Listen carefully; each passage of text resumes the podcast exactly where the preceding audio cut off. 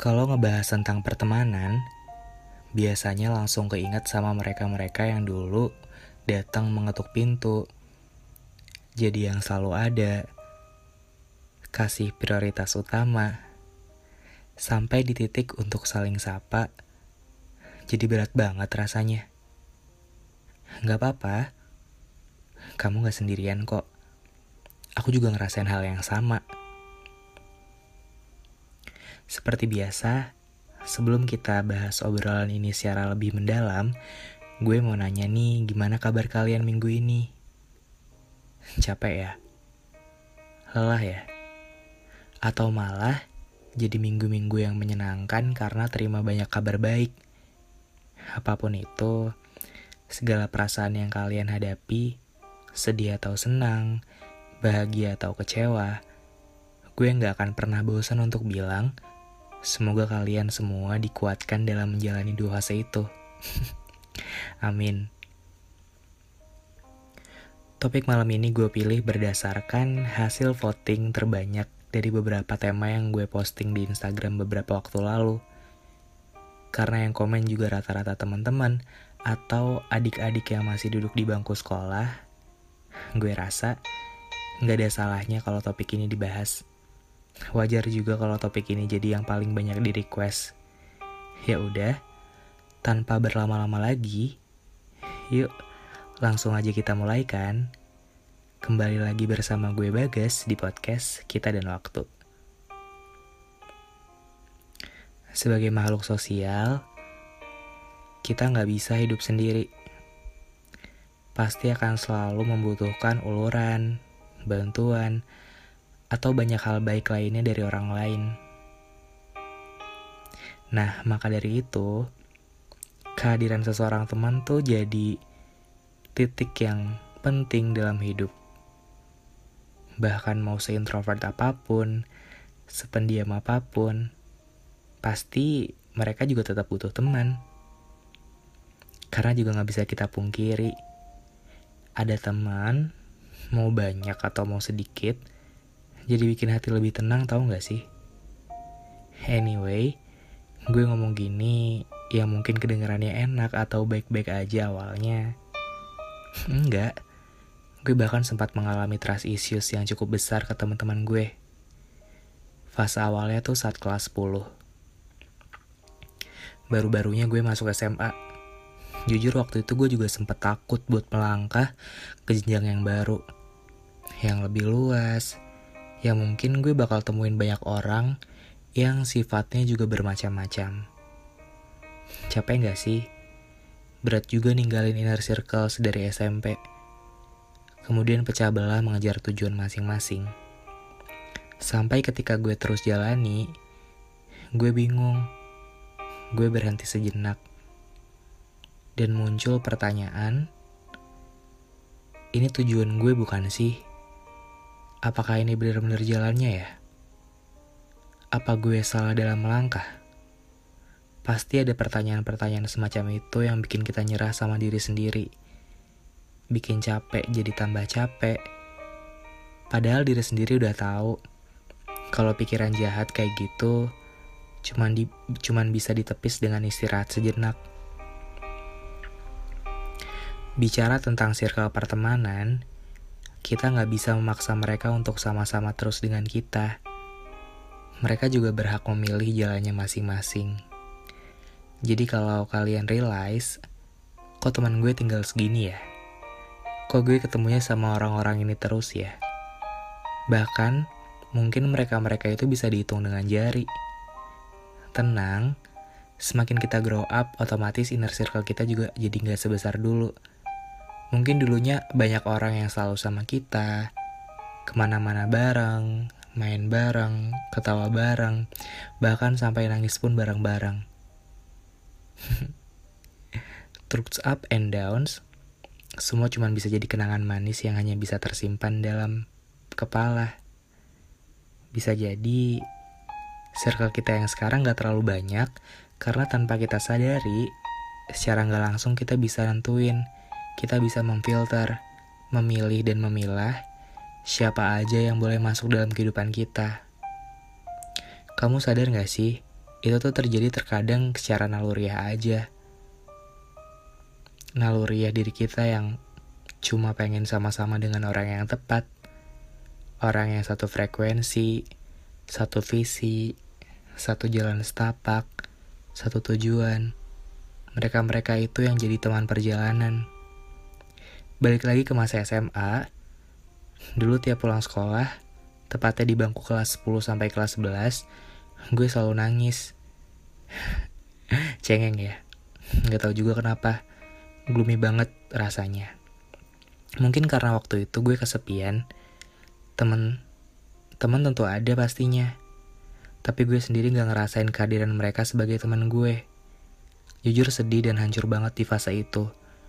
Kata orang-orang, masa SMA adalah masa paling indah. Tapi menurut gue enggak. Justru masa SMA gue itu teramat gelap dan kelam rasanya. Gue ngerasa hubungan mereka ke gue sangat teramat oportunitis Seharusnya kalau yang namanya hubungan kan take and give. Tapi mereka akan selalu take, take, dan fokus on take. Sampai gue sadari, mereka gak memberikan apa pun ke gue. Once urusan mereka selesai, tujuan mereka udah tercapai, ya dia bakal ninggalin gue gitu aja. Gimana? Apa lo juga pernah ngerasain hal yang sama? Itu gue gak bisa berbuat apa-apa Kadang juga gak ada pilihan apa-apa selain bertahan. Setuju gak? Pengen banget buat keluar. Tapi gimana? Pengen banget punya pegangan. Tapi siapa? Rasanya waktu itu gue gak punya siapa-siapa. Kalau bukan diri gue sendiri. Pengen berontak. Tapi di sisi lain gue juga butuh teman secara formalitas. Gue gak mau dianggap antisosial. Sampai di tahap bahwa Ternyata fungsi teman tuh lebih besar dari apa yang gue bayangkan selama ini. Hampir tiap hari kita bertahan untuk menerjang kerasnya hidup bareng mereka. Nggak bisa dipungkiri, fungsi support system dari mereka powernya bisa hebat banget. Mungkin kalau diurutin dalam skala prioritas, mereka-mereka itu tuh posisinya tepat di bawah kedua orang tua kita. Jadi kayak di bawah papa mama, bapak dan ibu. Jadi tahu semua ini kalau dibiarkan terlalu lama bakal ngerusak diri gue sendiri. Farah sih, gue baru bisa menemukan definisi yang benar-benar teman ketika kelas 12. Dulu gue masih orang yang biasa, ya sampai sekarang pun masih orang yang biasa sih. Cuma waktu itu gue belum punya audiens sebesar sekarang. Gue belum mengawali karir gue lah kasarnya. Sedang hadirnya mereka selalu nyemangatin gue di saat semua orang bahkan diri gue sendiri nggak percaya sama mimpi gue untuk bisa jadi penulis. Mereka kayak selalu kasih support gitu. Kayak seseder sesederhana ngingetin gue untuk bawa notes ke mana-mana. Sesederhana ngajakin gue untuk sejenak mampir di toko buku habis pulang les. Cuman biar jadi pemacu semangat gue nulis. Gue sangat-sangat bersyukur dengan kehadiran mereka. Jujur, mereka adalah jawaban dari doa-doa gue dua tahun yang lalu. Gue cuma tersenyum dan sadar bahwa hal-hal baik pun butuh waktu, perlu waktu. tiap orang tuh udah punya waktunya masing-masing, dan tiap waktu juga udah ada orangnya masing-masing. Jadi sebagai ucapan terima kasih gue ke mereka, gue selalu sebutin atau nyantumin nama-nama mereka di buku gue. Dari buku pertama sampai buku ketiga, atau mungkin sampai karya-karya gue selanjutnya nanti. Ketemu mereka, gue jadi percaya bahwa masa SMA adalah masa masa yang paling indah. Bahkan kalau gue ingat lagi, itu tuh kayak too good to be true gitu. Asli deh, seneng banget. Sayangnya, pertemanan keren itu terjadi sangat singkat. Cuman di kelas 12, yang pada akhirnya nanti pada merantau untuk menggapai cita-cita masing-masing. Akhirnya gue kembali dealing dengan masalah yang sama. Harus memulainya, harus memulai semuanya dari awal lagi adaptasi lagi, kenalan lagi, basa-basi lagi. Duh, capek banget emang. Tapi di perkuliahan gue, gue gak terlalu sulit untuk dapat teman. Karena pada dasarnya, mereka-mereka juga termasuk orang-orang yang suportif, yang bakal nge-approach gue lebih dulu. Orang-orang yang tipenya pendiam macam gue kayak gini. Sampai di obrolan ini, Gue cuman pengen kalian paham bahwa mau sependiam apa pun, mau seintrovert apa pun, kita semua tetap butuh teman cerita. Kita nggak bisa terus-terusan memendam masalah sendirian. Kita butuh feedback. Tahu nggak sih, kalau kata Emil Durkheim, orang-orang yang rentan bunuh diri adalah orang-orang yang nggak punya pegangan.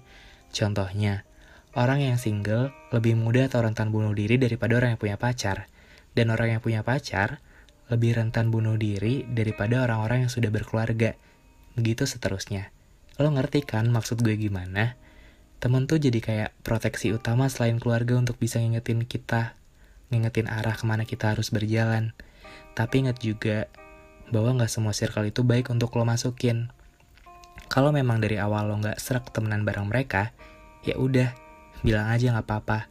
Obrolin baik-baik, siapa tahu dia bisa ngertiin. Jadi lebih open dan lebih baik, lebih pengertian sama lo. Tapi lo juga nggak boleh sosokan eksklusif minta di ngertiin, tapi lo cuma diem-diem aja dan gak ada usaha apa-apa. Ingat, mereka cuma temen lo sendiri, bukan paranormal yang bisa nebak-nebak isi kepala lo. Keluar kalau emang lo gak nyaman. Jangan dipaksa hanya karena lo takut buat sendirian. Gak apa-apa, gak apa-apa harus mengulang semuanya dari awal. Gak apa-apa kalau jadi putar balik dan kerja dua kali. Itu semua kan juga buat kebaikan lo, kesehatan jiwa lo sendiri. Untuk itu, Tolong jangan takut untuk bicara. Meskipun kadang jujur itu pahit, tapi mau gak mau, ya tetap harus lo lakuin demi, demi kebaikan lo. Untuk gue sekarang, gue gak ambil pusing untuk masalah pertemanan. Gak ada wis-wis tertentu untuk berteman sama siapa. Bodoh amat dan langsung tutup telinga aja kalau ada orang yang bilang, Eh, kalau temannya sama cowok semua sih, nanti lo jadi ketularan nakal lo. Atau kalau ada yang bilang lagi, Eh, lo kok temenannya sama cewek semua sih? nanti jadi melambai loh. Jangan, jangan dipikirin, jangan didengerin, jangan overthinking. Jalanin, jalanin aja apa hidup lo. Karena kan yang tahu antara nyaman atau terjebak cuman lo. Cuman lo yang bisa ngerasain itu semua. Selama dia bisa terima gue apa adanya, tanpa menuntut gue harus jadi apa-apa, ya gue bakal terima mereka dengan sen dengan senang hati. Sesimpel itu. Karena pertemanan itu take and give sifatnya, bukan opportunities. Udah ya, jangan sibuk khawatirin omongan orang. Cukup kontrol rumah sendiri, buat banyak kebahagiaan di sana, dan bersantailah. Sharing-sharing, makan malam bareng walaupun cuma di pinggir jalan atau angkringan. Apa pun itu, hal-hal yang bisa mendekatkan circle kalian. Nikmatin. Mungkin itu hal-hal yang bisa gue sampaikan malam ini. Jangan lupa juga buat baca cerita kapal kertas di webpad gue karena semalam gue baru aja update chapter 5. Cerita itu tuh tentang inner circle, tentang inner circle, bullying, broken home, juga tentang body shaming. Jadi gue pengen dengan cerita itu kalian gak ngerasa sendiri. Oh iya, gak cuma ngomongin yang gelap-gelap aja kok, tapi juga banyak keubuan lainnya yang bisa nemenin hari-hari kalian yang mungkin lagi sedih, bad mood, atau kecewa. Semoga dengan baca cerita kapal kertas kalian jadi terhibur. Itu aja sih sederhananya. Oh iya satu lagi, jangan lupa juga buat jemput buku gue Kita dan Waktu sama kayak judul podcastnya di toko buku terdekat. Nanti kalau udah dapet, jangan lupa kabar-kabar ya. Udah itu aja. Makasih udah bersedia buat dengerin obrolan kali ini jaga kesehatan dan selalu jaga diri. Gue Bagas pamit undur diri. Sampai jumpa di obrolan selanjutnya. Dadah.